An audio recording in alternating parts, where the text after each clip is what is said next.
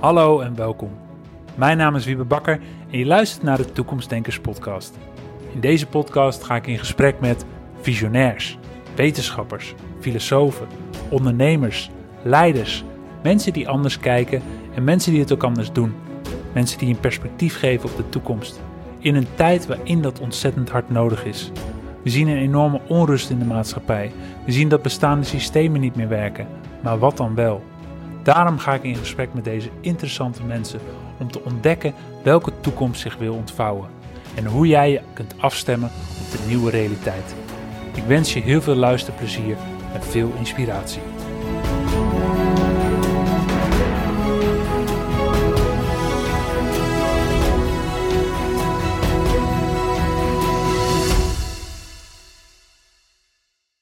Leuk dat je luistert naar een nieuwe aflevering van de Toekomstdenkers podcast.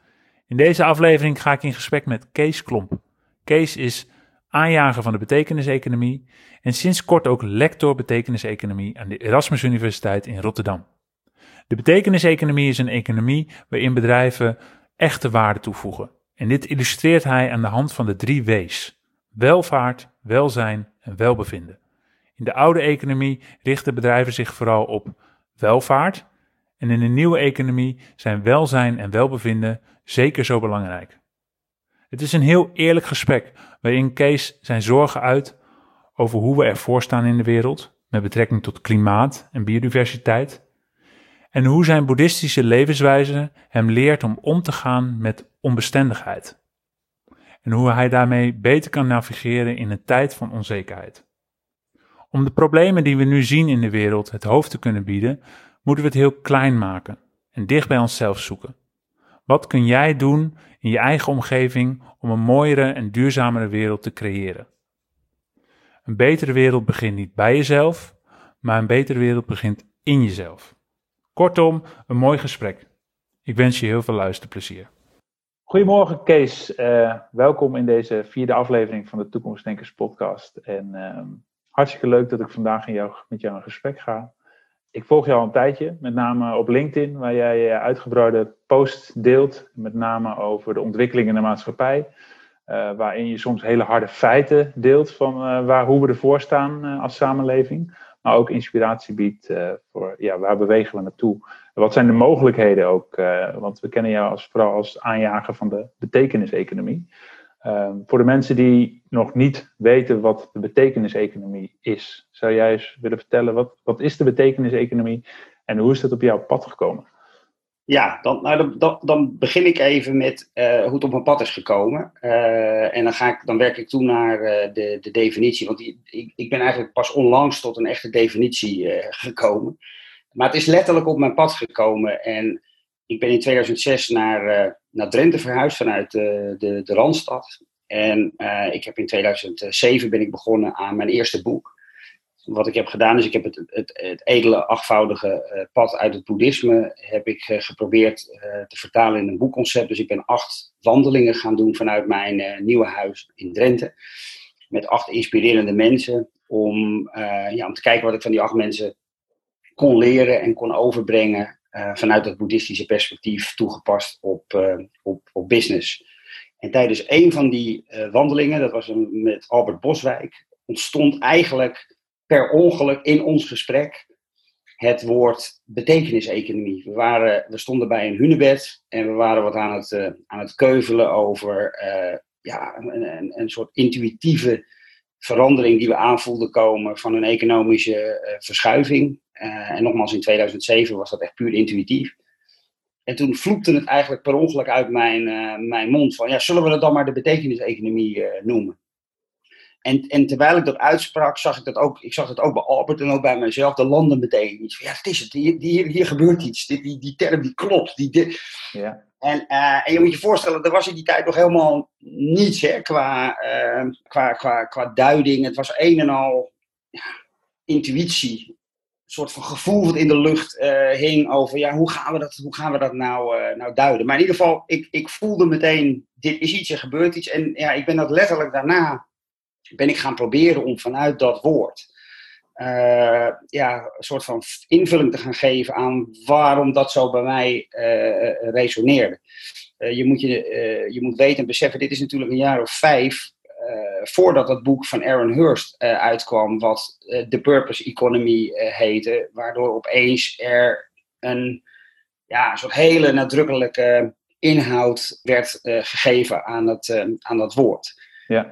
en overigens heb ik altijd een andere invulling gehad dan in het boek uh, van, uh, van, uh, van dus Het idee is eigenlijk op meerdere plekken op de wereld ontstaan eigenlijk. Bij jou en bij Adam Hurst in dit geval. Ja, dus ik, ja, dus ik denk dat we eigenlijk alle twee op een, op een hele andere plek en op een andere manier ingetapt hebben op dezelfde energie die zich aandeed. Van oh, er is iets aan de hand in de wereld. En, en hoe kunnen we dat nou het beste noemen en, en duiden? Ja. En daar waren nou die gesprekken ook voor bedoeld, die jij voerde in die tijd, uh, die acht gesprekken, om, om eens te kijken wat, wat is het volgende wat zich aandient. Voor jou persoonlijk, maar ook maatschappelijk? Of, moet nou, niet, niet specifiek. Wat ik, kijk, wat ik wilde doen is, ik wilde eigenlijk een soort van seculiere uh, vertaling proberen te creëren van wat het boeddhistische edele achtvoudige pad mij als, als mens, als individu had uh, gebracht. En ik vond het een enorme uitdaging om te kijken van kun je dat vertalen naar een soort handleiding voor, voor bedrijven. Dus daar waren eigenlijk de gesprekken voor, ja. bedoeld. dus het was heel erg de, de zoektocht naar seculiere taal om een, spiritueel, uh, een spirituele levensbeschouwing eigenlijk toegankelijk uh, te maken. Want dat, daar was ik in 2006 mee begonnen toen ik was vertrokken uit de Randstad. Ik heb mijn bedrijfje Karmanomics opgericht. Ja, en ik, had me, ik heb mezelf vanaf dat moment plechtig beloofd om kijken hoe ik mijn kennis en kunde uh, over het bouwen van bedrijven, hè, want daar, daar, uh, daar was ik voor die tijd mee, uh, mee bezig, kon gebruiken om de wereld ja, vooruit te helpen en beter te, te maken. En ik ergerde mij enorm aan de enorm bekrompen manier waarop er destijds ja, over bedrijven werd nagedacht. Hè. Bedrijven waren er om winst te maken, om geld te verdienen, om de economie uh, te, te boosten. En daar hield het wel zo'n beetje mee op. En als dat, als dat gepaard ging met maatschappelijke schade, ja, dan was dat maar zo. Ja. Uh, hè, terwijl voor mij was het startpunt altijd maatschappelijke winst. Hè. Daarom, daarom is voor mij de betekenis-economie ook altijd iets wezenlijk anders geweest dan maatschappelijk verantwoord ondernemen en, en duurzaamheid. Omdat dat nog steeds uitgaat eigenlijk van die bestaande business frame dat een bedrijf er is om geld te verdienen. Ja. om monetaire waarde te, te, te, creëren, wat ik echt een achterlijk uh, tekort uh, schietend idee vind. Ja, want vanuit jouw visie zijn bedrijven erom nou ja, wat mij betreft zijn, zijn bedrijven er om integrale, holistische waarden te, te creëren. Hè? Ja. Ik, ik, maak daar gebruik van drie W's om dat te duiden. Hè? Welvaart, welzijn en, en welbevinden. Waarbij welvaart dus gaat over die ouderwetse economische monetaire waarden, van geld.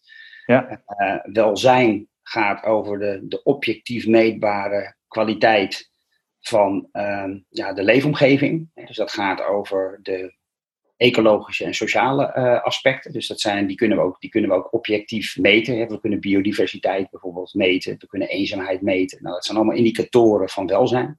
Ja. En welbevinden is onze subjectieve beleving van onze leefomstandigheden. Dus ja. uh, hoe gaan wij daar als, als, als mens mee, uh, mee om? Nou ja, en wat blijkt nu? Dat die drie W's enorm verstoord zijn door de economische hegemonie van de afgelopen pakweg 75, 80 jaar neoliberalisme. We leven ja, in een samenleving die eigenlijk volledig verworden is tot een markteconomie. Alles is markt geworden. Alles is uh, een commodity geworden. En, uh, en dat is geweldig goed voor de economie. Hè. Die is keihard uh, gegroeid. Onze welvaart is enorm toegenomen. Maar wel ten koste van welzijn en welbevinden en niet ten bate van. En ja. dat, is, ja, dat is onhoudbaar.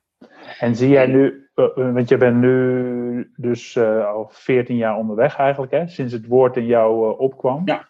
Uh, is er veel veranderd in die tijd? Ja, er is enorm veel veranderd, ja. Ja, enorm veel, ja.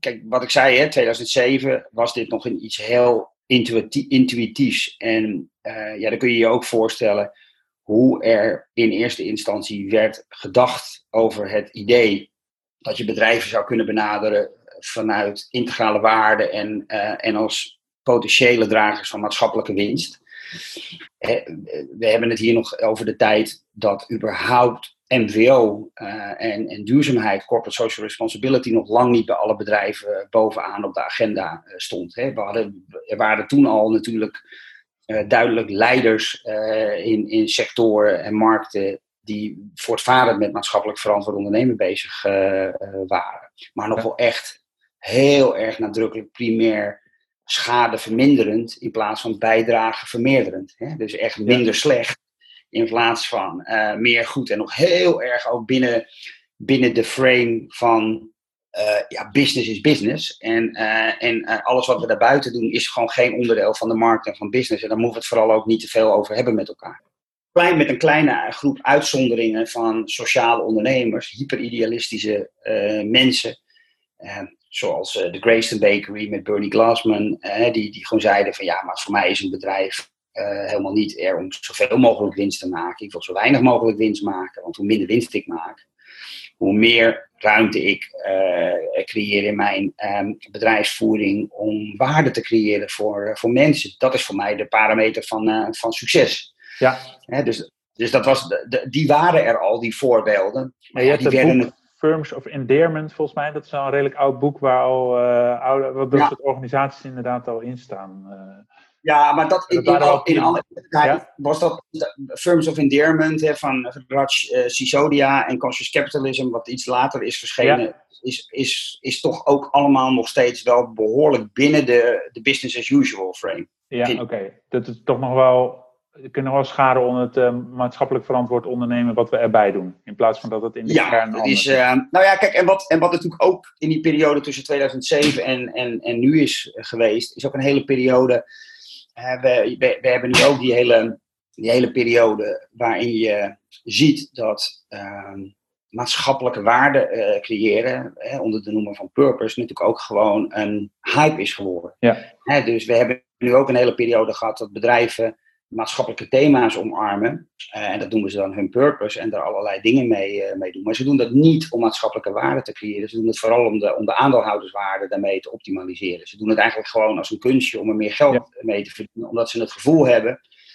dat wij als consument daarop zitten te wachten. Hè? Dus dat het, uh, en mijn hoop, en mijn, ja, mijn gevoel ook wel een beetje, maar ook wel mijn hoop is dat, het, dat we dat steeds meer doorgaan hebben. Dat, dat, dat ze dat doen. Dat is ook zo. Dat is ook zo. Dat, is, dat, is niet, dat, hoef je niet langer onder hoop uh, te, te scharen. Je ziet dat consumenten er eigenlijk feilloos doorheen prikken. Ja.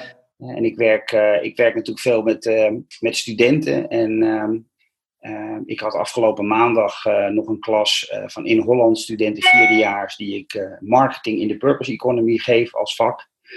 En ja, die konden mij gewoon echt crystal clear uitleggen leggen wat purpose washing is en wat de real deal uh, is. Dat ja. is feilloos. feilloos. Ja, ik, denk, ik denk vooral jongere generatie daar nog veel gevoeliger voor is. Dat, dat geloof ik uh, zeker. Zeker, ja, maar goed, weet je, dat is ook de generatie die het meest last heeft van al die schade die, ja. die bedrijven uh, hebben berokkend ter faveur van een groepje aandeelhouders. Ja, want jij werkt nu veel in het onderwijs. Hè? Ja. Uh, is, is dat ook een reden dat je in het onderwijs werkt? En dat je denkt, die jongere generatie pakt het sneller op? Ja, uh, en nog belangrijker, daar moet het uh, beginnen. Hè? Dus als wij verwachten dat bedrijven in de komende jaren echt fundamenteel anders moeten gaan opereren, en, en dat moeten ze, willen wij uh, als mensheid ons voortbestaan niet op het spel willen zetten. Ja ja, dan moeten we die kids dat wel op school gaan leren. Hè? En als je ziet dat het leeuwendeel van datgene wat wij die kids leren tijdens hun opleiding uh, gebaseerd is op de conventionele neoclassieke economische leer, welvaartstheorie, waarbij de economie er is om te groeien, waarin bedrijven er zijn om winst uh, te, te maken. En in het beste geval leren we die studenten tijdens hun, uh, hun, hun studie dat ze daarbij verantwoordelijkheid in acht hebben te nemen. Dat is ongeveer de max ja, hoe kunnen we dan van, van, die, van die studenten verwachten dat tegen de tijd dat ze in het bedrijfsleven komen en datgene wat ze hebben geleerd gaan manifesteren, ja. zich opeens om uh, hun leefomgeving gaan uh, bekommeren en dingen gaan doen die misschien wel tegen het belang van die aandeelhouders ingaat, uh, maar die noodzakelijk zijn om de mensheid voor te laten bestaan of om dierensoorten of plantensoorten niet uit te laten sterven. Dat hebben ze namelijk helemaal nooit geleerd. Nee.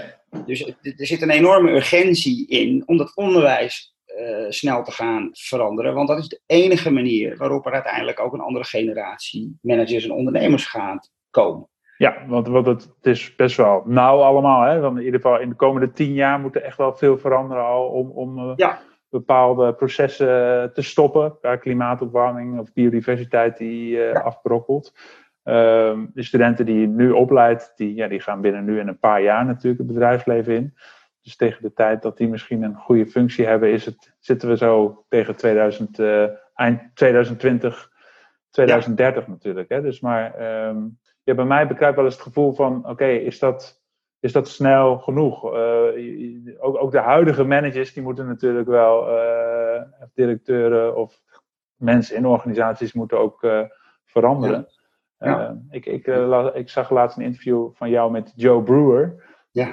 En hij is van een hele andere school, volgens mij. Hij is, ja, deze lijn, als we die gewoon volgen, dan gaat alles klapt straks gewoon in. Ja. En hij is al bezig om te kijken van hoe kunnen we aan regeneration doen. Hè? Hoe kunnen we zorgen dat de kennis die we hebben over schoon drinkwater maken of uh, uh, voeding produceren, hoe kunnen we die kennis opslaan, zodat als straks de maatschappij is ingestort, dat we vanaf de grond af aan dingen weer op kunnen bouwen.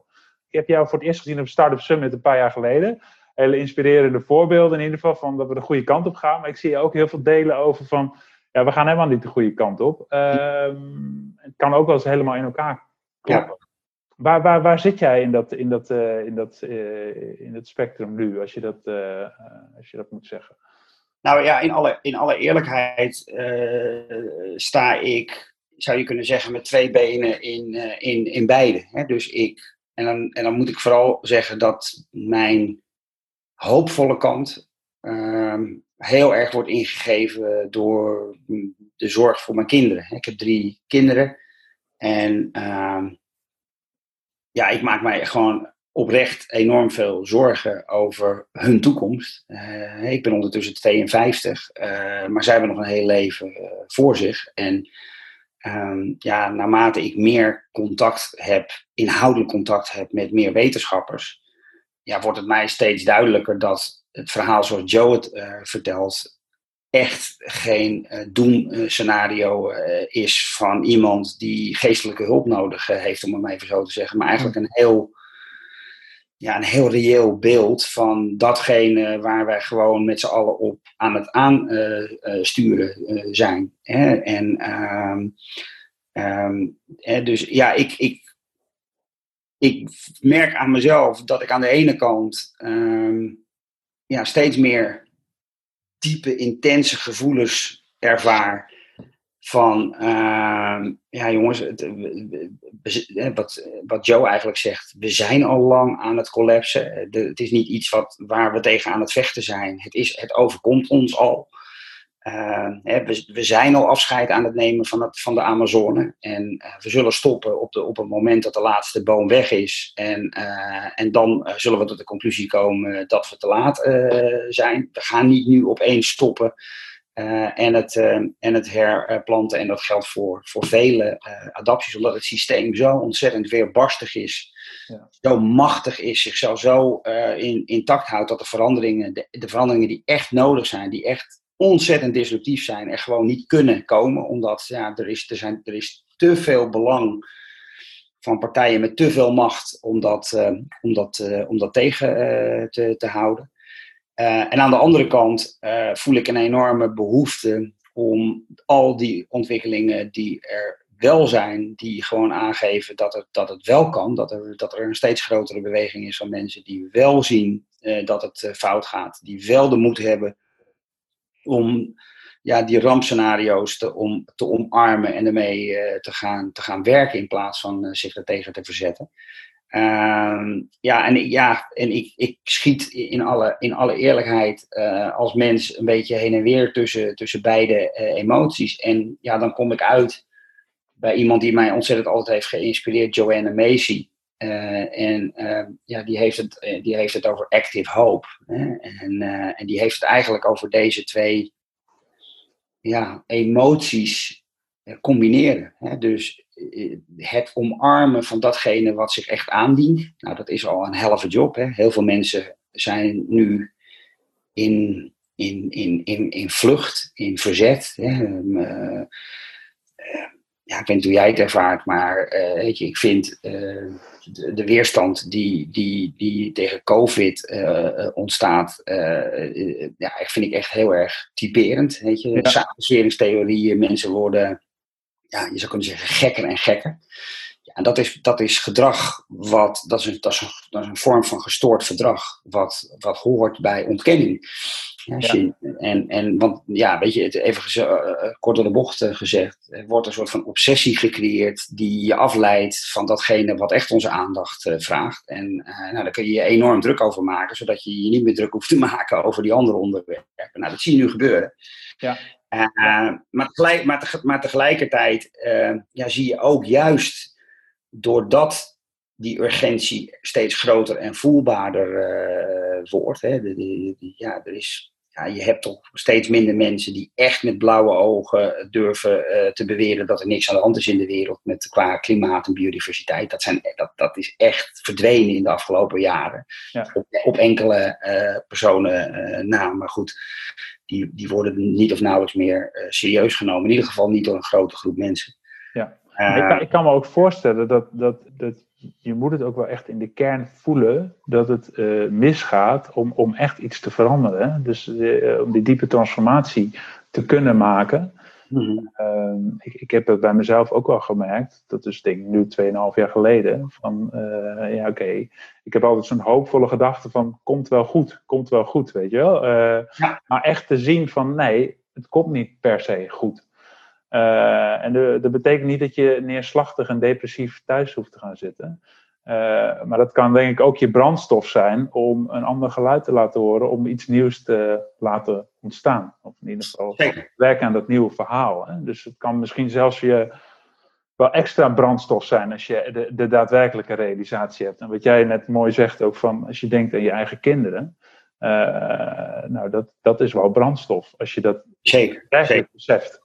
Zeker. Ik, ik denk alleen dat, dat niet veel mensen zijn die dat, uh, en dat bedoel ik niet arrogant of zo, maar dat, dat, dat werkelijk beseffen. Dat het zo. Uh, nee, maar, maar kijk, daar moet, je, daar moet je, en daar heb ik ook alle mededogen mee. Want wat je mensen namelijk feitelijk gezien vraagt, want dat is wat er aan de hand is, is om je, is om je eigen dood te accepteren.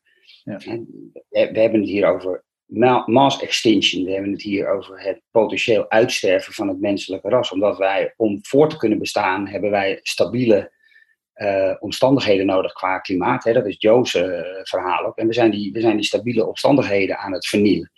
Hè? Dus we, gaan te, we gaan te maken krijgen met enorme excessen die het onmogelijk gaan maken om in onze voedselvoorziening te, uh, te voorzien, om op plekken waar heel veel mensen wonen, die, voor, die door het in het huidige klimaat controleerbaar bewoonbaar uh, waren, die zullen niet langer bewoonbaar uh, zijn. We hebben het bijvoorbeeld over de delta bij, bij Bangladesh, waar een nou ja, honderden miljoenen mensen uh, wonen. Die zijn binnen, binnen afzienbare tijd zullen die ontheemd uh, zijn. Ja, over wat voor tijdsbestek praat je dan? Dus je... Ja, daar, zijn, daar, daar, gaan, daar, gaan, daar gaan allerlei verschillende theorieën uh, over. Maar het is al lang niet meer zo dat mensen, dat we het dan hebben over 2100 of zo. Weet je, er wordt, er wordt nu gepraat over 2040, 2050. Soms worden al wordt er al gezegd, nee, dat gaat, dat is nog veel te lang weg, want Groenland uh, is veel te snel aan het, uh, aan het smelten. Het zou wel eens 2030 al kunnen zijn. Ja. En, da en daar moet je denk ik ook met groot mededogen naar uh, kijken. Weet je, het is ten eerste een, een, ramp die plaatsvindt in slow motion. Hè? Dus we, we, we ervaren het probleem niet dagelijks, zeker niet wij in Nederland, in onze geprivileerde omstandigheden. Hè, wij, hebben, wij, zitten hier, wij hebben het buitengewoon getroffen, feitelijk uh, gezien. Uh, als je het hebt over de direct merkbare korte termijn uh, effecten. Hè, er zijn nu al plekken in Oceanië waar ze echt al heel veel last hebben van de zeespiegelstijging. Ja. Hè, groepen die verdwijnen hebben. Kan bij ons ook komen als de Zuidpool nu gaat. Nou ja, ja dus... dat, is, dat, is, ja. dat, is, dat is een van de, van de dingen waarvan ik denk, kijk, als, we, als dat eenmaal gebeurt, dan gaan mensen zich wel beseffen wat er aan de hand is. Alleen het enige punt is, dan is het laat. Hè? Dus dat is, dat is het, de, de paradox aan deze situatie. Het gebeurt langzaam, eh, waardoor het, we zijn de kikker in de pan. Dus we zijn, we zijn, het wordt warmer en warmer. En we, dat, we, merken dat ook wel, maar we, zijn, we raken nog niet in paniek. Ja.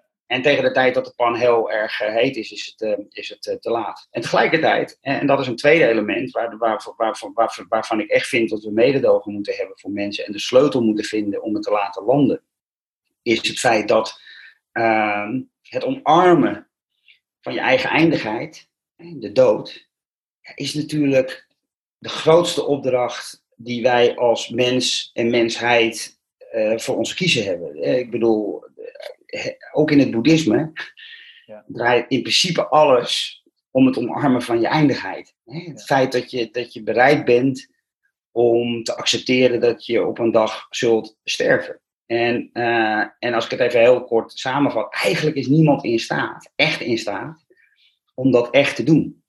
Uh, omdat dat gewoon letterlijk tegen onze uh, ja, in, instincten aangaat. We willen leven, we willen overleven. Uh, we, we, zijn, we, zijn, we zijn gemaakt om vooral niet dood te gaan. Hè? Dat, is een hele, dat is letterlijk een, een, een hele primitieve drijfveer. Dus ja, dat wat wij nu van mensen vragen, hè, het proberen te doorleven, doorgronden, dat dit misschien de mensheid wel eens noodlottig zou, zou kunnen worden, dat dit ons einde betekent. Ja, dat is dat is gewoon simpelweg voor een hele grote groep mensen gewoon ja, niet te doen. Dat is... En ik, ik, sprak in mijn eerste podcast met Mark Pieper en hij is integraal denken. Uh, voor filosofie van Ken Wilber, ik weet niet of je die uh, kent. Uh, en de, volgens Spiral Dynamics heb je de verschillende cultuurlagen. In, in onze Nederlandse maatschappij is dan nog wereldcentrisch, zijn we nog aardig wereldcentrisch. Maar het grootste delen van bevolkingsgroepen uh, zijn egocentrisch of etnocentrisch. Ja. Uh, en, en, hebben niet een wereldbeschouwing, zeg maar. Dus, dus zijn niet bezig met. Ik, ik moet uh, mijn plastic sorteren, want anders komt het in de oceaan terecht en dan gaan de vissen dood, zeg maar. Maar hoe, hoe, hoe zie jij, hoe, hè, want jij noemt, we moeten groot mededogen hebben naar mensen om, om hierin mee te gaan. Um, hoe, hoe, zie je dat gebeuren? In? Want aan de ene kant is het natuurlijk super urgent. Uh, we leven met, uh, wat is het, 9 miljard mensen of uh, iets dergelijks nu op aarde.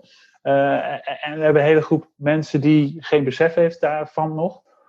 heb jij die ideeën over? Of zie jij van, van hoe, zou, hoe dat zich zou kunnen ontwikkelen? En wat, wat ook haakjes zijn, of wat, wat mensen ook individueel kunnen doen? Nou ja, kijk, ik denk dat dat wat wij nu uh, meemaken is, ja, is gewoon echt een, is een nieuw hoofdstuk in de geschiedenis van, van de mensheid. Hè? Ik heb dat ook geprobeerd laatst te duiden. En het was puur bedoeld als een, als een soort van discussiestuk door de Maslow-pyramide, waar je al heel veel kritiek op kunt hebben, wetenschappelijk, uh, of, je, of dat al wel een piramide is en of je het nu al zo bedoeld heeft. Maar goed, het is, ook, het is iets wat veel mensen kennen en herkennen. Ja. Uh, wat ik heb gedaan is, ik heb onder de fysiologische behoeften een nieuwe dimensie getekend van wat ik de existentiële behoeften heb genoemd. Uh, en ik denk dat wat deze tijd kenmerkt, is dat we eigenlijk voor de eerste keer in de geschiedenis van de mensheid bewust kennis maken dat onze individuele fysiologische behoeften, het feit dat we een onderdak nodig hebben en voeding, ja, niet, de, niet de meest primaire basisemotie meer is. We hebben nu ons, we hebben ons huis, staat op de discussie. Ja. En dat gaat niet meer over mijn fysiologische behoeften of die van jou, Wiebe. Maar dat gaat over wat wij met elkaar delen. En, maar dan moet dat eh, besef er wel zijn natuurlijk. Hè? Wat jij net zei, van, eh, eh, als, het, als het pijn gaat doen, dan komt er juist een soort van gekte, een soort van afleidingsmanoeuvre. Er komen er allerlei complottheorieën en dergelijke. Dus, dus dat wordt er allemaal bij ja, ja. Maar, het is, maar het, is dus, het is dus ook, ja, we, we, begeven, ons op onontgonnen gebied. Er is ook geen theoretisch kader beschikbaar over de verandering die ons te doen staat. er zijn fantastische uh, wetenschappers die verschrikkelijk veel weten over, over transitie en transformatie. We hebben er in Nederland uh, een paar, Dirk Loorbach, Jan Rotmans, ik noem er maar een paar, Caroline Hummels. Geweldige mensen. Maar um, ja, we hebben het hier over een soort van universele uh, transitie en transformatie naar een volledig ander denkend en opererend uh, menselijk uh, ras. En ja, ik, ik, vind, ja, ik vind het, ik vind het heel, het, is heel, het is heel bijzonder en het is heel spannend. Ja.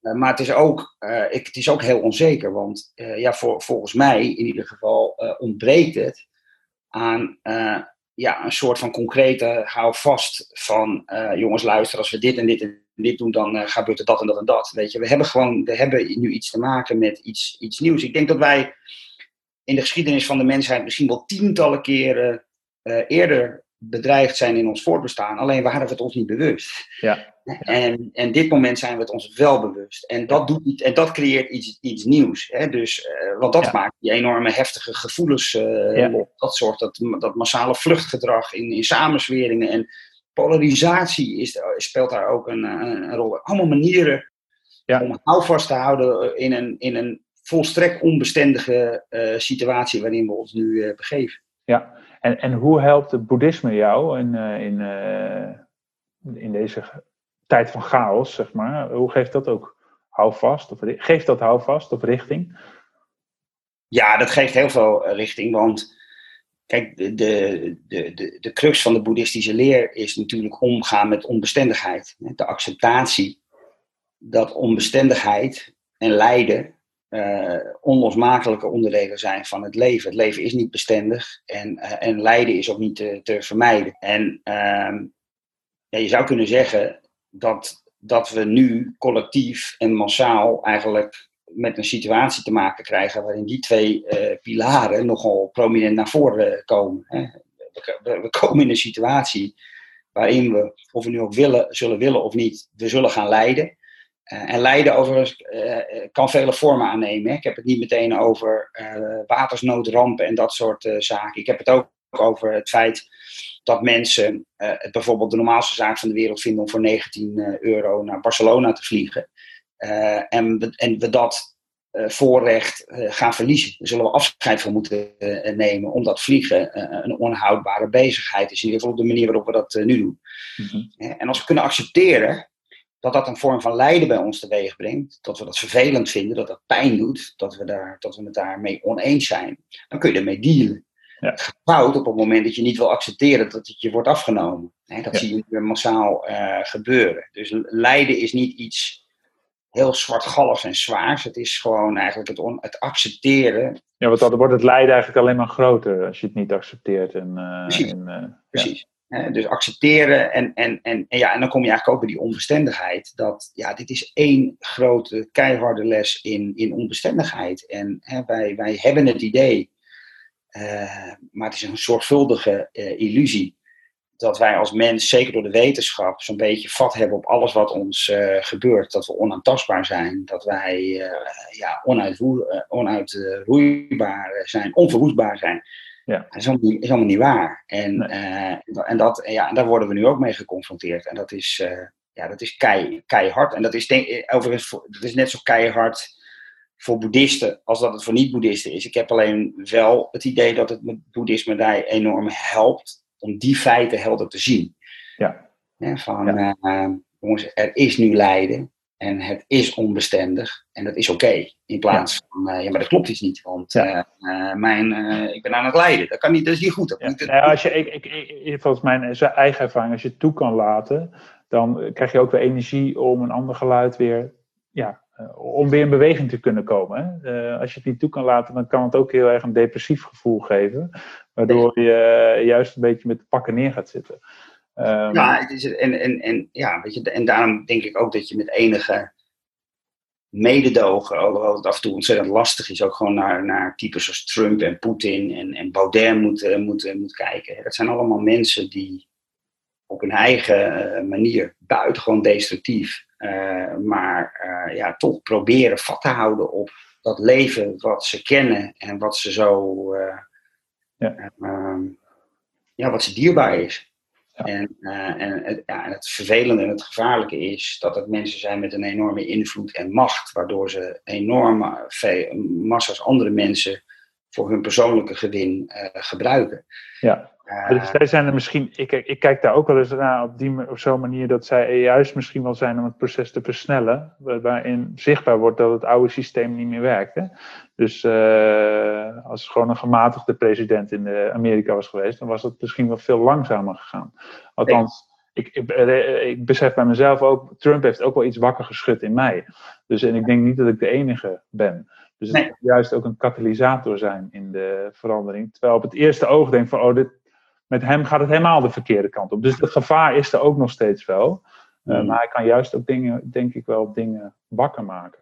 Nou ja, kijk, ik denk dat, ik denk dat Trump, en, en, en echt niet alleen Trump, hè, we hebben het wat mij betreft over alle oligarchen en populisten in de, in de wereld. Mhm. Die geven een, die belichamen, laten we maar zeggen, ehm, het destructieve in de, in de wereld. Het egocentrische, het achterhaalde.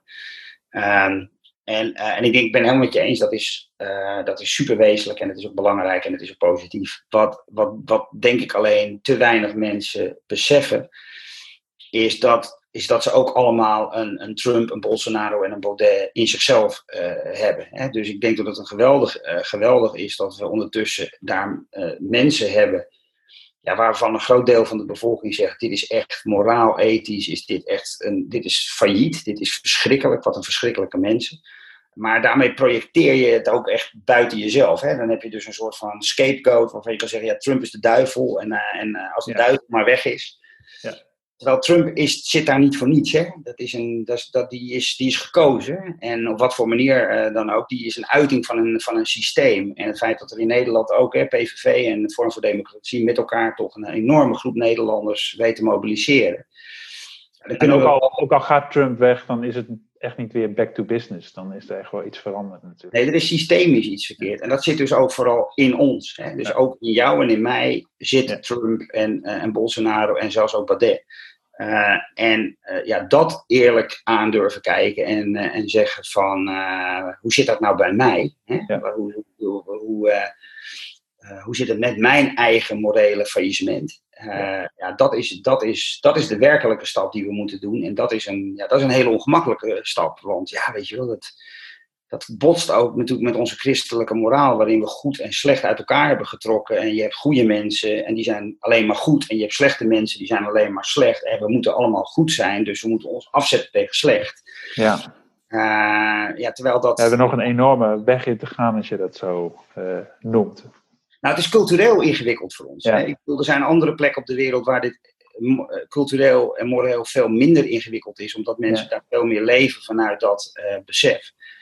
Uh, maar tegelijkertijd, uh, uh, Myanmar is een boeddhistisch land en daar, wat zij met de Rohingya doen op dit moment, ja, dat, dat kan ik in ieder geval op geen enkele wijze verklaren of, of goeddunken vanuit mijn boeddhistische levensbeschouwing. En dat blijkt dan ook maar weer gewoon dat ook boeddhisten zijn natuurlijk gewoon mensen die tot alles in staat zijn. Ook de meest verschrikkelijk verwerpelijke dingen.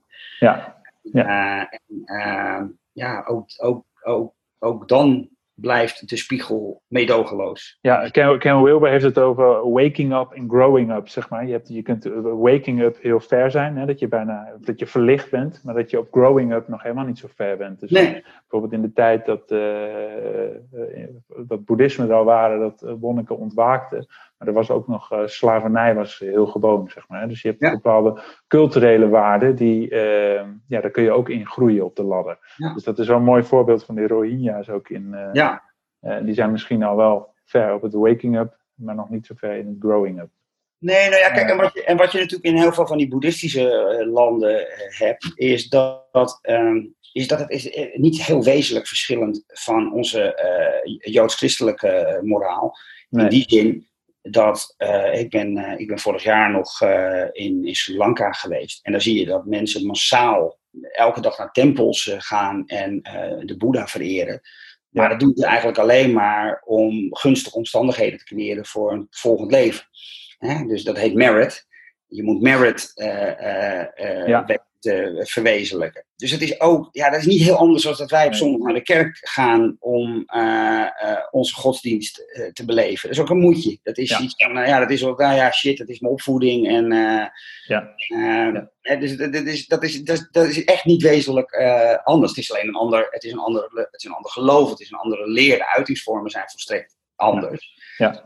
maar cultureel gezien is dat niet, is het niet zo anders. Jan Rotmans die praat al jaren hè, over, het, uh, over uh, kanteling en over verandering van tijdperk. Hè, en, uh, maar die komt ook wel ste steeds meer tot de conclusie dat een, de, ja, de, de, daadwerkelijke transformatie vraagt om een persoonlijke transformatie.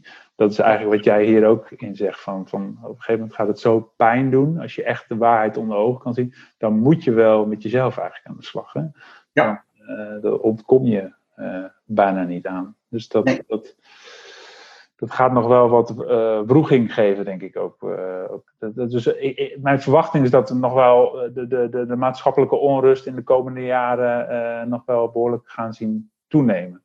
ja, ja dat, dat vrees ik ook met grote vrees. Ja, ik denk dat het een, een hele moeilijke periode gaat worden, als ik in alle eerlijkheid ja. hardop denk. Ja. Hoe, ik was nog even benieuwd, jij werkt veel met studenten. Hè? Hoe, hoe, eerlijk ben je over dit verhaal met studenten? En, en, en, uh, of, of heb je het vooral over de hoopvolle voorbeelden? Of, of, uh, en, en hoe reageren zij ook? Uh, daar ben ik wel benieuwd naar. Dus, Nou, mijn ervaring is, student, is dat studenten vooral heel eerlijk zijn tegen mij.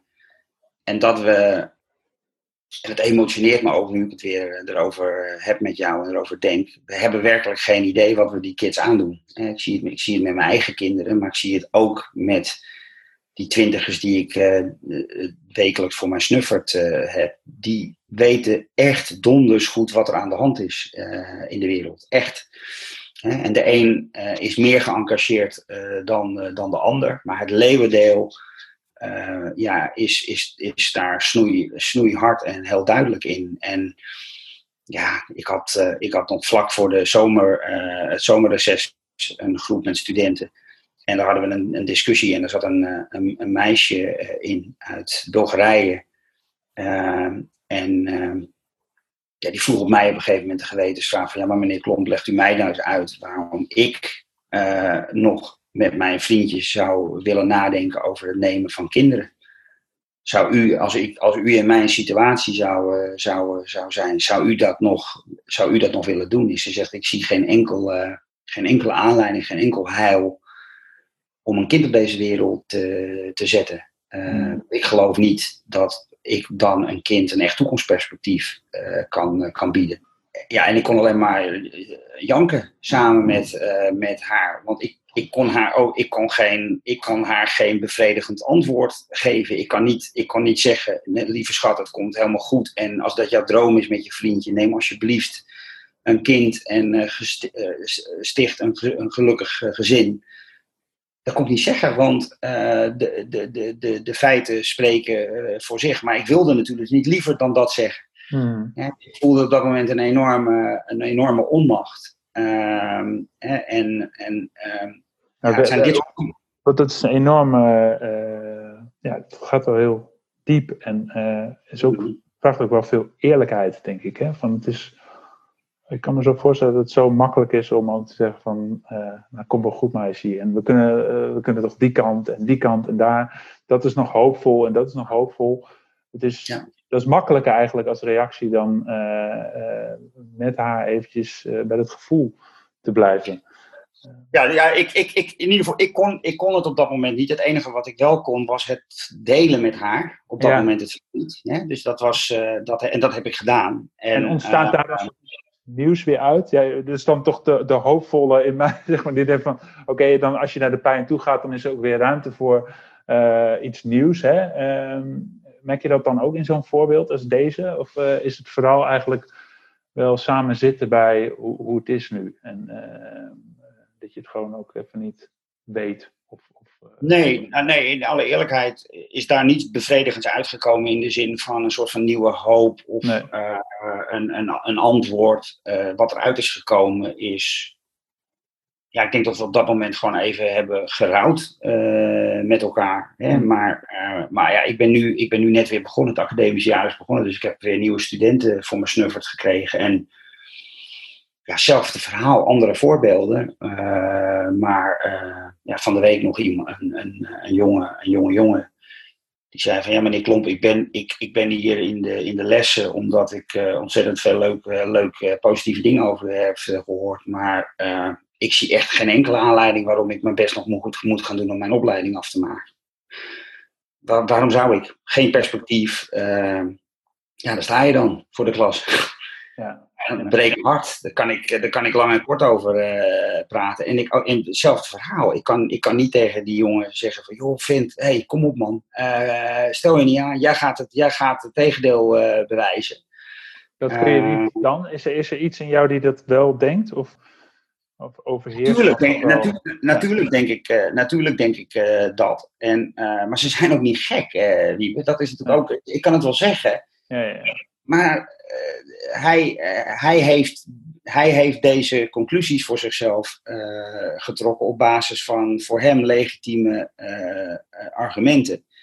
en wie ben ik om, om daar dan van te zeggen van, joh, stel je niet aan, komt allemaal wel goed.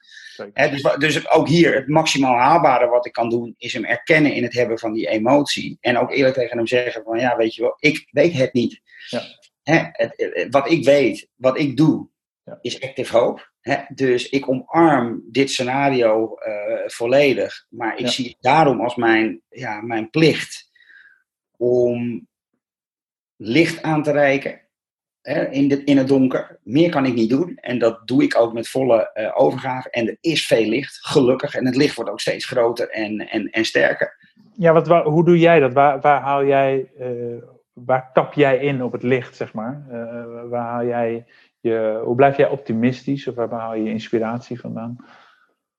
Nou, ik ben dus, ik, ik, ik ben, ik ben dus nog optimistisch, nog pessimistisch. Hè? Dat, dat, kijk, dat is, dat is 30 jaar boeddhistische beoefening heeft mij dat geleerd. Hè? Ik, ik weet nog heel goed dat ik een, een, een, paar jaar geleden een gesprek had met Bernie Glassman, een groot zenleraar en ook de oprichter van de Grayston Bakery. En, uh, en, wij zaten een beetje te babbelen met elkaar. En hij zei toen, hij was toen een jaar of 70, achter in de 70. En een jaar of 40, uh, 45, een boeddhistische leraar. En toen zei hij, ja, hij, uh, ja, ik ben nu 45 jaar uh, boeddhist, dus hij zei, ja, ik durf nu wel hardop te zeggen dat ik een, dat ik, dat ik een gevorderde beginner ben.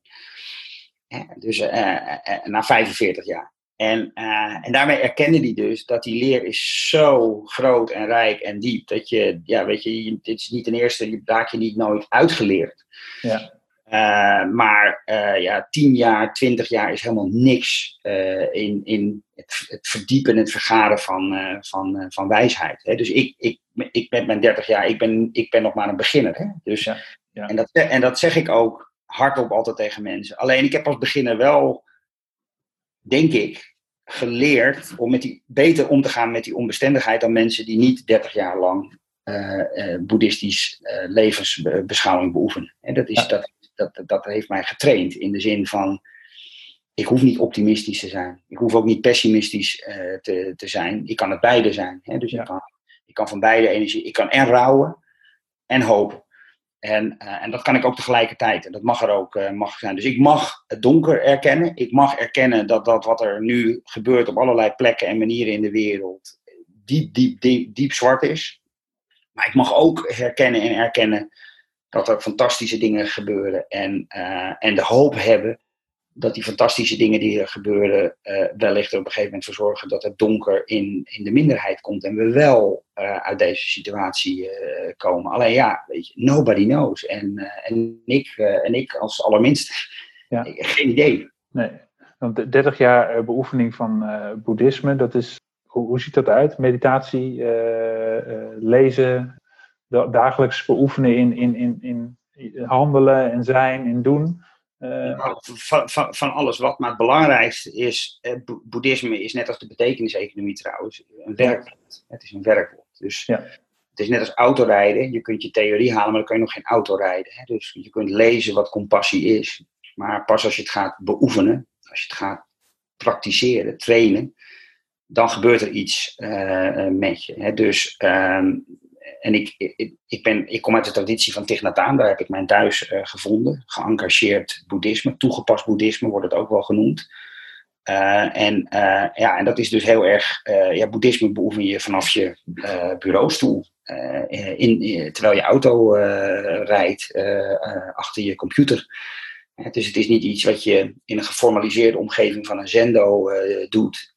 nee, het is juist dat, dat je midden in de samenleving doet. Dat zijn de momenten en de plekken dat je mededogen moet, tot, tot zijn volle recht moet laten komen. Waar je liefdevolle vriendelijkheid kunt, kunt, kunt praktiseren. Maar waar je ook fierce compassion af en toe moet gebruiken. Ik bedoel, dat wat jij herkent op LinkedIn, dat ik af en toe hard ben. Dat is mijn, in ieder geval mijn poging om liefdevol, maar wel keihard uh, te zijn. Ook naar sommige uh, mensen. Hè, van, ja. uh, het, is niet, het is niet dat je altijd maar het met iedereen eens hoeft te zijn. Of dat je voor alles maar altijd begrip moet hebben. Weet je, ook ik blokkeer wel eens mensen. Omdat, omdat ik dat een gewenste reactie uh, vindt om hun met iets te confronteren. Hè? Dus dan, eh, dan, denk ik van ja, weet je, het heeft niet zoveel zin om jou op een andere wijze uh, te proberen te bereiken. Dus dan doe ik het maar op deze manier. Dan hoop ik dat het je, dat het je alsnog bereikt. Ja. ja. Weet je, dus beoefenen, beoefenen, beoefenen. Dus dat, is het. dat vind ik een mooi inderdaad. Dus het hoeft niet, liefdevolle vriendelijkheid gaat het niet over dat je altijd aardig bent. Juist nee, man. Dus, gaat nee, soms is onaardig zijn heel erg liefdevol. Ja, ja, zeker. Dan ben je niet aan het please. Hey, um, om um, richting een einde te gaan. Als mensen hier nou dit horen en die ook uh, zien van, uh, ik denk dat steeds meer mensen wel beseffen van, we zitten in een transitie, er moet echt iets gebeuren. Um, wat wil jij mensen meegeven? Ik bedoel, niet iedereen is boeddhist natuurlijk, of hoeft boeddhist te worden, maar ook om, om hier met deze, ja, met deze tijd om te gaan. Dus wat, wat denk ik misschien wel de, de belangrijkste boodschap die ik heb en, probeer uit uh, te dragen, is om grote en ingewikkelde dingen gewoon heel simpel en klein uh, te, te maken. En, um, en dat is dan vaak iets waar uh, politici en, en, en economen vooral uh, dan uh, ja, een beetje gaan stijgen en zeggen: ja, maar weet je, jongens, de wereld is complex en die systemen zijn complex. En, en dat is allemaal zo, dat is allemaal waar. Maar wij, wij mensen zijn ook ontzettend complex. Hè? Als, je, als, je, als je mij wilt inzoomen op onze complexiteit, dan, dan, zit, dan zit jij, kijk ik nu naar een wonder en, en, en idem. Maar we zitten ook heel simpel in elkaar. Hm. Dus, dus mijn belangrijkste boodschap altijd aan mensen is: probeer dingen nou gewoon, gewoon simpel te maken. Dus bijvoorbeeld, uh, als je liefdevolle vriendelijkheid wil beoefenen en, en, en mededogen, en je vindt het lastig om uh, ja, bijvoorbeeld het, het, idee dat jij je moet ontfermen over vogels, ik noem maar wat, weet je wel. Dan, dan probeer ik mensen wel eens uit te leggen van, uh, heb, je een, heb, je een, heb je een partner of heb je een kind? Nou, heel veel mensen hebben een partner of een kind. En, en dan vraag je ze gewoon om, om er zo over na te denken van, voel, voel eens wat je voelt voor je partner, voor de liefde. En dat lukt iedereen. Hè? Iedereen die kent het. Of ook al, ook al heb je geen partner, heb je, maar heb je een partner gehad. Of je ouders. Iedereen kent liefde. Ja. En, uh, en wat betekent dat voor jou? Nou ja, dan krijg je verhalen die je ook kent. Onvoorwaardelijkheid, uh, zorgen, uh, helpen. En dan zeg ik mensen van ja, probeer nou eens om die vogel niet langer te zien als een andere soort. Als iets wat niet bij, wat niet bij jou hoort als familie. Maar probeer het nou gewoon eens te zien als familie. Dus hm. probeer nou eens gewoon het beste voor te hebben met, met die vogel. Probeer het nu gewoon te zien en te omarmen als familie. En, uh, ja, en dan komt het opeens heel dichtbij. Weet je, wij hebben bijvoorbeeld nu, ik woon op een boerderij en wij hebben in onze voortuin hebben wij uh, dakplatanen. En in die dakplatanen heeft een, uh, heeft een, een duivenpaar heeft een heel laag nest gecreëerd. En daar zitten dus nu twee jonge duiven in. En omdat ik in de opvoeding dit soort dingen al ja, mijn hele leven doe, is voor mijn, voor mijn zoontje is dat dat is familie. Dus vanochtend, vanochtend, breng ik hem naar school en het eerste wat hij dan gaat doen is even naar de duiven uh, kijken. Want ja, die horen bij ons, die, dat is familie, daar zorgen wij voor. En uh, zo simpel is het. Hè? Dus op een, op een moment dat wij in staat kunnen zijn om ons eigen belang gewoon uh, te overstijgen. Ja. Wat we de hele godganse dag allemaal doen. Er is niemand op enkele ja, zeer ernstig zieke types na die hun gezin runnen als een BV, uh, waarin je continu moet bijhouden wie wat geeft en neemt en het alleen maar gaat over status en uh, et cetera. Nogmaals, ze zijn er, maar dat zijn mensen waarvan ja, wij... Met, de uitzonderingen. En, en, dan kijk je dan met heel veel weemoed naar van, ach god, wat zielig, je zult toch zo in elkaar zitten. Ja. Uh, weet je, we kennen liefde. En, en we kennen mededogen. Weet je, ook, ook, ook je kinderen doen dingen waar, waarvan je als ouder af en toe zegt van, mijn god dan ben je niet in één keer klaar met uh, van ze te houden. Weet je? Dat, dat, dat, dat, is, dat is onvoorwaardelijk. Dan, ja.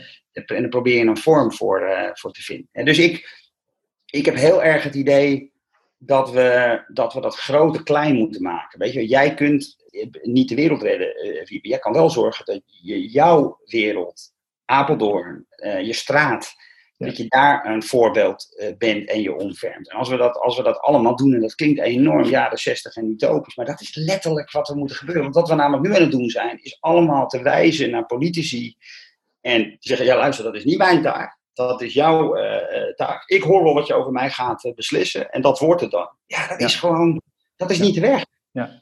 En ik denk dat als je vastloopt, zeker mensen die vastlopen, die burn-out raken, die kunnen niet anders dan op, ja, om heel klein weer te beginnen natuurlijk. Hè. Dus uh, zeker, om, om zeker. echt voor je eigen leefomgeving te zorgen. En, uh, maar, dat ja, gaat en, maar het, is ook, het, is ook, het is ook gewoon, het is een realiteit die er altijd is. Ja. Dus we, we, kunnen het ontzettend groot maken en afstandelijk. En, en het grootste probleem is niet dat dat kleine er niet altijd is en dat het heel makkelijk is om erin te tappen. Het probleem is, is dat we na de afgelopen 75 jaar neoliberalisme, marktwerking, volstrekt afstand hebben genomen van die kleine realiteit. Weet je, we zijn geen, we zijn geen mensen meer, maar we zijn bewoners of we zijn uh, uh, ondernemers of we zijn markten of we zijn economieën geworden. Dat, is allemaal, dat zijn allemaal woorden die afstand creëren. Ja. Die, die, die precies het tegenovergestelde doen van wat we moeten doen. Van, weet je, eh, je moet niet een deelnemer zien of een bewoner. Je moet, je moet een mens zien van vlees, en, van vlees en bloed. En als, je een, en als je een vogel ziet, dan moet je niet een ander soort zien, maar dan moet je, dan moet je, een, dan moet je een medebewoner zien van, dat, uh, van, die, van die aarde. Die onderdeel is van hetzelfde systeem, die net zoveel recht heeft op welzijn en welbevinden dan, dan wij dat uh, hebben. En dat op een andere manier beleeft, want het is een vogel, maar daar, daarmee is het nog niet. Uh... En ik denk in je, in je, eigen leefomgeving dingen simpel maken. Hè? Dus ik herken heel erg wat je zegt hoor. Dat dat, dat het, ja, de weg is eigenlijk om bij jezelf te beginnen. Hè? Ze noemden vroeger al van een beter milieu begint bij jezelf. Maar dat klopt ook. Uh, maar, maar als je in een complexe omgeving zit, zeg maar, dan is het wel een uitdaging om, van de complexiteit uh, daar ook het simpele in te brengen. Uh, ja, nou ja, daarom is het ook eigenlijk dat het een beter milieu begint niet bij jezelf, maar in jezelf. Ja. Het, is, het begint allemaal met je kijk op de wereld. Uh, gedrag is een voortvloeisel van ja. gedachten en gevoelens en geloven en gewoonten. Ja. Dus het is eerst en vooral belangrijk, hoe kijk ik nou naar de wereld? Hoe, wat is nou mijn, waar geloof ik nou in? En, ja. uh, en daar dan vervolgens ook weer afstand van te nemen. Van oké, okay, dus dit heb ik blijkbaar geleerd. Dit is blijkbaar wat ik gewoon vind. Is het gewoon. Uh, nou ja, dan kom je al heel snel tot de conclusie dat ja, over alles, uh, hè, dus ook een prachtige boeddhistische uitspraak, een koan, iets kan pas waar zijn als er twee totaal verschillende versies van dezelfde werkelijkheid zijn. Ja, dat, is een, dat is een prachtige, daar kun je heel lang over nadenken. Ja. Je contempleren heet dat. Ja, mooi. Iets is pas waar als er twee uh, totaal tegenovergestelde versies van diezelfde werkelijkheid uh, zijn. Nou, dat zegt iets. Hè? Dat zegt iets ja. over wat is dan waar en, en, en wanneer is iets waar.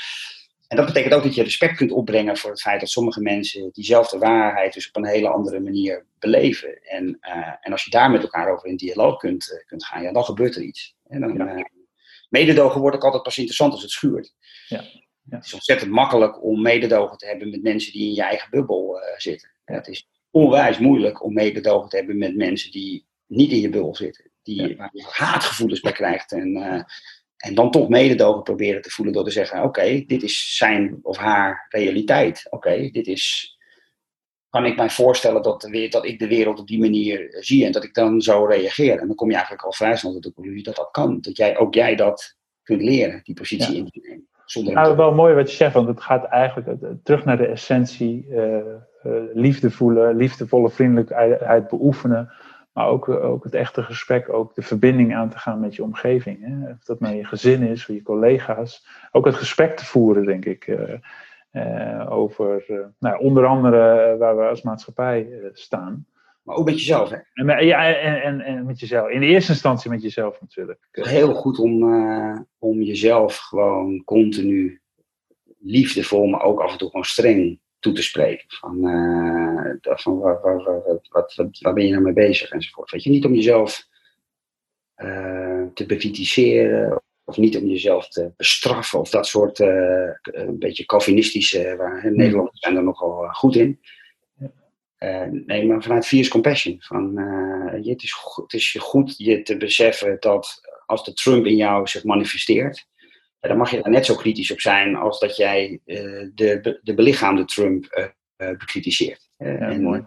Het, is mooi om, het is mooi om dat ook op te merken. Van, hey, wauw. Ja. Ja. Ik ben hier nu gewoon eens eventjes een, een onwijs potje egocentrisch of narcistisch of weet ik veel. Wow, wauw. Wauw. We, hadden het net al, we hadden het net, we hadden het net al eventjes over Paul Smit. Uh, die, je kunt ook die, die Muppet, die heeft het over de Muppets in je hoofd, zeg maar. Die kun je ook een naam geven. Dus inderdaad. Uh, Zeker. dus uh, als je de Trump in jezelf ontdekt, dan kun je hem ook een naam geven. Ja. Ja, ja, ik noem dat, ik, ik noem dat, al, ik, dat, ik, dat is een beoefening, ik noem dat sitting with the stooges dus uh, ik, heb, uh, ik heb die oefening uh, ja, van, mijn, van mijn boeddhistische leraren geleerd in de vorm van een, van, een, van, een, van een tafel, een ontbijttafel. En dat doe ik dus echt letterlijk elke ochtend. Dat ik ze allemaal uitnodig aan de tafel. En daar zitten ze allemaal bij. Hè? Dus de, mijn, de, laten we zeggen, de tafelgasten die ik graag zie, mijn, mijn uh, positieve kwaliteiten. Maar ja, daar zitten dus ook ja, de, de, de kwaliteiten waar ik uh, hoe, hoe, elke dag weer mee van, oh ja, shit, jullie, jullie zitten hier. en, uh, maar ze zitten er. En, en, we, en we beginnen de dag met z'n allen. Ja. ja. Mooi. En, en, er komen ook nieuwe bij, hè? dat is ook interessant. Er komen af en toe ook nieuwe gasten bij. Hé, hey, wow, heb ik die ook? Ja ja, heel, heel waardevol. Heel ja, waardevol. heel waardevol. Als je het kan zien, inderdaad. Uh, in plaats van ze te onderdrukken, inderdaad. Uh, dan uh, kom je ook weer bij je eigen energie. Ja, mooi. Dankjewel, Kees. enorm veel aangeraakt. ik had van tevoren niet kunnen bedenken dat we dit allemaal zouden bespreken. Maar dat vind ik ook altijd leuk van een podcast. Dus, ja, en mooi om te horen nou ja, jouw inspiratie te geven op, op mensen, maatschappij en hoe we ons kunnen ontwikkelen in deze periode van transitie. Dus uh, dank daarvoor. Uh. Met alle plezier, jong.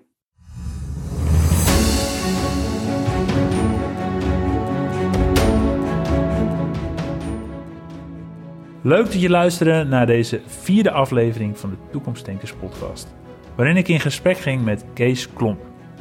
Wil je nou meer weten over Kees? Kijk dan ook op peoplepurposepractice.nl of op maatschappijwij.nu waar meerdere filmpjes van hem staan. Je kunt ook een van zijn boeken lezen, zoals Pioniers van de Nieuwe Welvaart of Handboek Betekenisvol Ondernemen. En in december komt een nieuw boek uit wat hij samen met Shinta Oosterwaal heeft geschreven. Dat heet Thrive. Je kunt Kees ook volgen via LinkedIn, waarin hij heel veel inhoudelijke content deelt. Heel inspirerend. Wil je nou vaker een aflevering luisteren van de Toekomstdenkers podcast? Abonneer je dan op dit kanaal of kijk op toekomstdenkers.nu voor meer afleveringen. Je kunt je daar ook inschrijven op de nieuwsbrief, zodat je als eerste op de hoogte wordt gehouden van een nieuwe aflevering. Voor nu wens ik je een hele fijne dag.